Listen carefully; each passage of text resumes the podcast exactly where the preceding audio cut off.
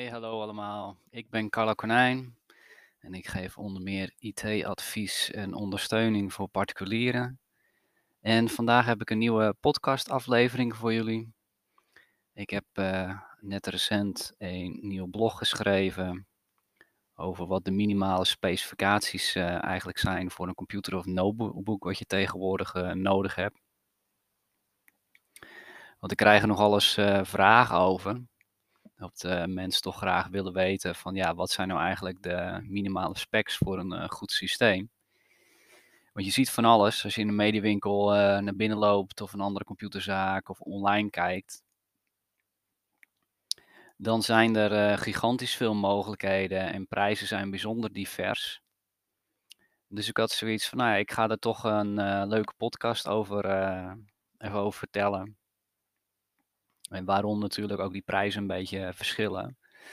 Uh, kort door de bocht is het eigenlijk nu aanbevolen om minimaal Intel Core i5 te hebben, een 8e gen of hoger. Een AMD Ryzen, de vijfde generatie of hoger, en dan gecombineerd met 16 gig werkgeheugen. En bij voorkeur met SSD, het komt eigenlijk niet zo vaak meer voor dat er een normaal harde schijf in zit, maar in sommige gevallen uh, nog wel. Nou, waarom is dit nou eigenlijk uh, nodig? Dit maakt het eigenlijk meer future-proof. Want heel veel systemen die je nu in de winkel kan kopen, waar misschien 8 gig werkgeheugen in zit, of bijvoorbeeld met een uh, Intel Core i3 eh, processor, het draait snel op het moment dat je het koopt. Maar zodra je er eigenlijk meer mee wil gaan doen, dan wordt het al gauw langzamer, omdat het systeem daar gewoon niet voor bedoeld was. En dat is natuurlijk jammer, want er zijn ook heel veel mensen die kopen hem van, nou ja, ik ga een beetje internet uh, mailen en een beetje office doen. En dan gaandeweg, dan uh, willen ze toch ietsjes meer graag mee uh, gaan doen. En dan is dat eigenlijk niet mogelijk en dat is best jammer. Een andere ding is bijvoorbeeld software updates. Kijk, we denken wel eens dat Windows Updates het enigste is waar we updates van krijgen. Maar je krijgt ze ook van je browser, ook van losse apps die je in Windows gebruikt. En natuurlijk ook de apps die je zelf installeert. En al deze apps krijgen updates en verbeteringen. En tegenwoordig eigenlijk meer dan voorheen. Maar dit neemt ook meer ruimte in beslag. En vaak zorgen ook die updates ervoor dat het systeem eigenlijk gewoon meer vermogen nodig heeft om eh, goed te blijven functioneren. En het vervelende dan natuurlijk is als jij een systeempje hebt gekocht met uh, bijvoorbeeld 4 gig werkgeheugen of 8, dat je een beetje op de rand terechtkomt van gaat dit nog? En als je dan in een browser meerdere tabbladen open hebt staan, merk je al gauw dat het langzamer wordt. Een ander deel bijvoorbeeld is antivirusprogramma's die erop staan. Kijk, een antivirus die draait op de achtergrond mee. Dus die is constant aan. En dat gebruikt natuurlijk ook snelheid en capaciteit van het systeem. En meestal uh, één keer per week of één keer per dag, net wat je hebt ingesteld, gaat hij ook het hele systeem scannen. Dat gebeurt natuurlijk op de achtergrond. Maar dat proces zorgt er ook weer voor dat op dat moment jij uh, waarschijnlijk een vertraging gaat uh, zien. Uh, tenzij je natuurlijk een systeem hebt die in ieder geval minimaal die uh, Intel Core i5, Ryzen 5 van AMD of uh, met 16 gig werkgeheugen hebt. Want er is gewoon meer vermogen beschikbaar om dat allemaal te realiseren. En dat scheelt enorm.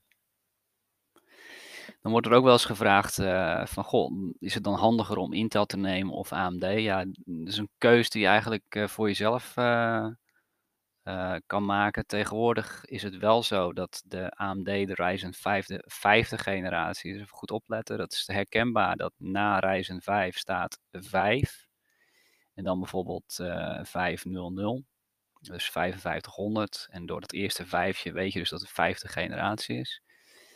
Um, die zijn eigenlijk bijzonder snel, werken dus ook heel goed.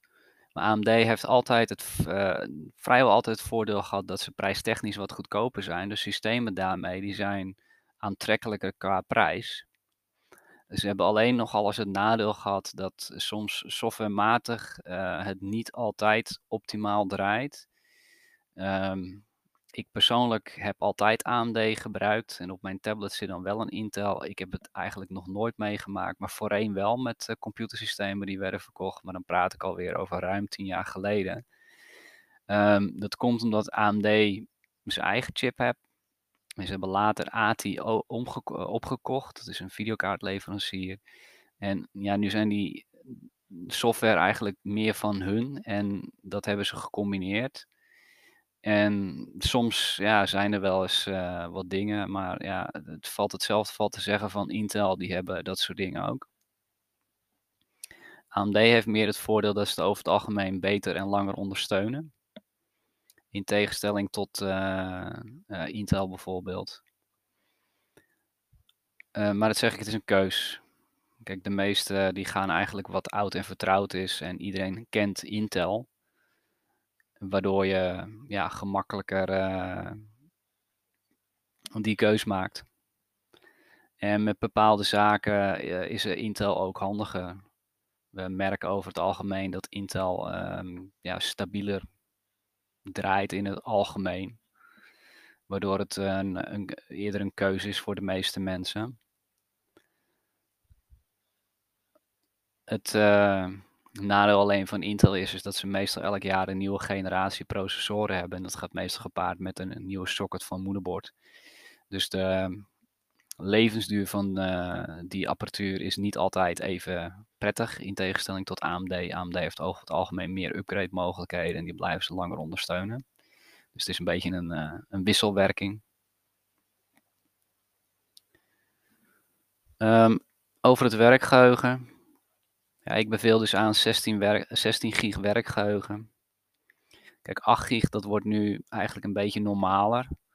Dat het in een systeem zit. Je ziet nog wel systemen met bijvoorbeeld 4 gig, maar dat is echt uh, te weinig.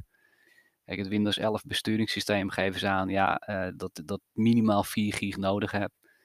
Dus ja, um, als dat al opgaat aan uh, Windows nog zonder een update, want gegarandeerd in een paar jaar hebben we een aantal updates gehad en dan vraagt hij meer dan wordt die 8 gig ook een, nogal krap. Dus toekomstig gericht is het gewoon handig om 16 gig uh, werkgeheugen te hebben. Um, wat handig is om te controleren, zeker als je een computer of laptop koopt, dan wordt er ook bij aangegeven tot hoever je kan upgraden met werkgeheugen. Kijk, een processor kan je niet up upgraden, tenzij het een computer is, maar de meeste mini-desktops en laptops niet. Dus dat is ook een van de redenen dat ik de Intel Core i5 en AMD Ryzen 5 aanbeveel, omdat je een minimale processor kiest die eigenlijk voor de meeste zaken al heel goed is. Maar ook omdat voornamelijk bij laptops en andere zaken het niet mogelijk is om uh, te upgraden, want het zit geïntegreerd op het moederbord. Alleen bij echte desktop systemen kan je echt processors wisselen en daar nog upgrades aan doen. Maar gelukkig in beide gevallen kan je werkgeheugen wel uitbreiden. Dus mocht je nou wel een laptop hebben gekocht, bijvoorbeeld met een i5 of Ryzen 5 en dan met 8 gig, dan in vrijwel alle gevallen kan je hem wel uh, uitbreiden. Maar dat staat ook altijd bij die laptop, al niet kan je het bij de fabrikant opzoeken. En die vraag kreeg ik laatst ook.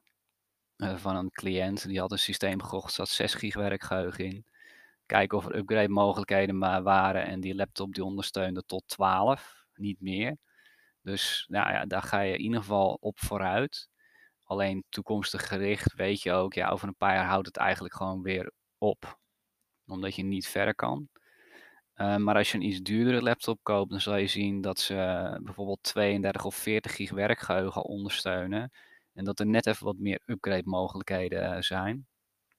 Het is bij duurdere systemen ook over het algemeen mogelijk om bijvoorbeeld de SSD te vervangen en er een veel snellere in te stoppen. En dat is wel fijn als je toekomstig gericht natuurlijk uh, het bekijkt. Want het geeft je net even wat meer mogelijkheden als er uh, ja, je toch wat meer eist van het systeem. Of software technisch dat er toch updates kwamen die ja, meer van het systeem vereisten. En met die reden is het dus eigenlijk gewoon belangrijk om minimaal de Intel Core i5 aan de Ryzen 5, minimaal 60 gig werkgeheugen. Uiteraard met een SSD. Eh, om daar nog iets kort aan toe te voegen, je ziet tegenwoordig ook systeem met eMMC. Dat is flash. Uh, meestal in goedkopere systemen, soms ook wel in tussenmaatjes. Um, helaas is dit flashgeheugen niet zo snel. Dus als je dat zou combineren bijvoorbeeld met een uh, i5 of zo, maar er zit dat in, dan uh, heeft dat niet zoveel nut. Dus uh, zorg ervoor dat je ook even checkt dat er een SSD in zit. En bij voorkeur natuurlijk met upgrade mogelijkheden. Ik hoop dat dit in ieder geval zo duidelijk is. mocht je hier vragen over hebben, dan kan je me ook gerust een reactie onderlaten onder het blog waar dit bericht bij staat. Of een e-mail sturen dan zou ik doen uh, mijn best om uh, je vragen uh, te beantwoorden. Maar in ieder geval voor deze specs, dan kan je weer lekker de komende tijd toe. Alles hoger, is natuurlijk altijd mooi meegenomen. Um, maar dit is in ieder geval het minimaal om je aan te houden. Ik spreek jullie de volgende keer weer.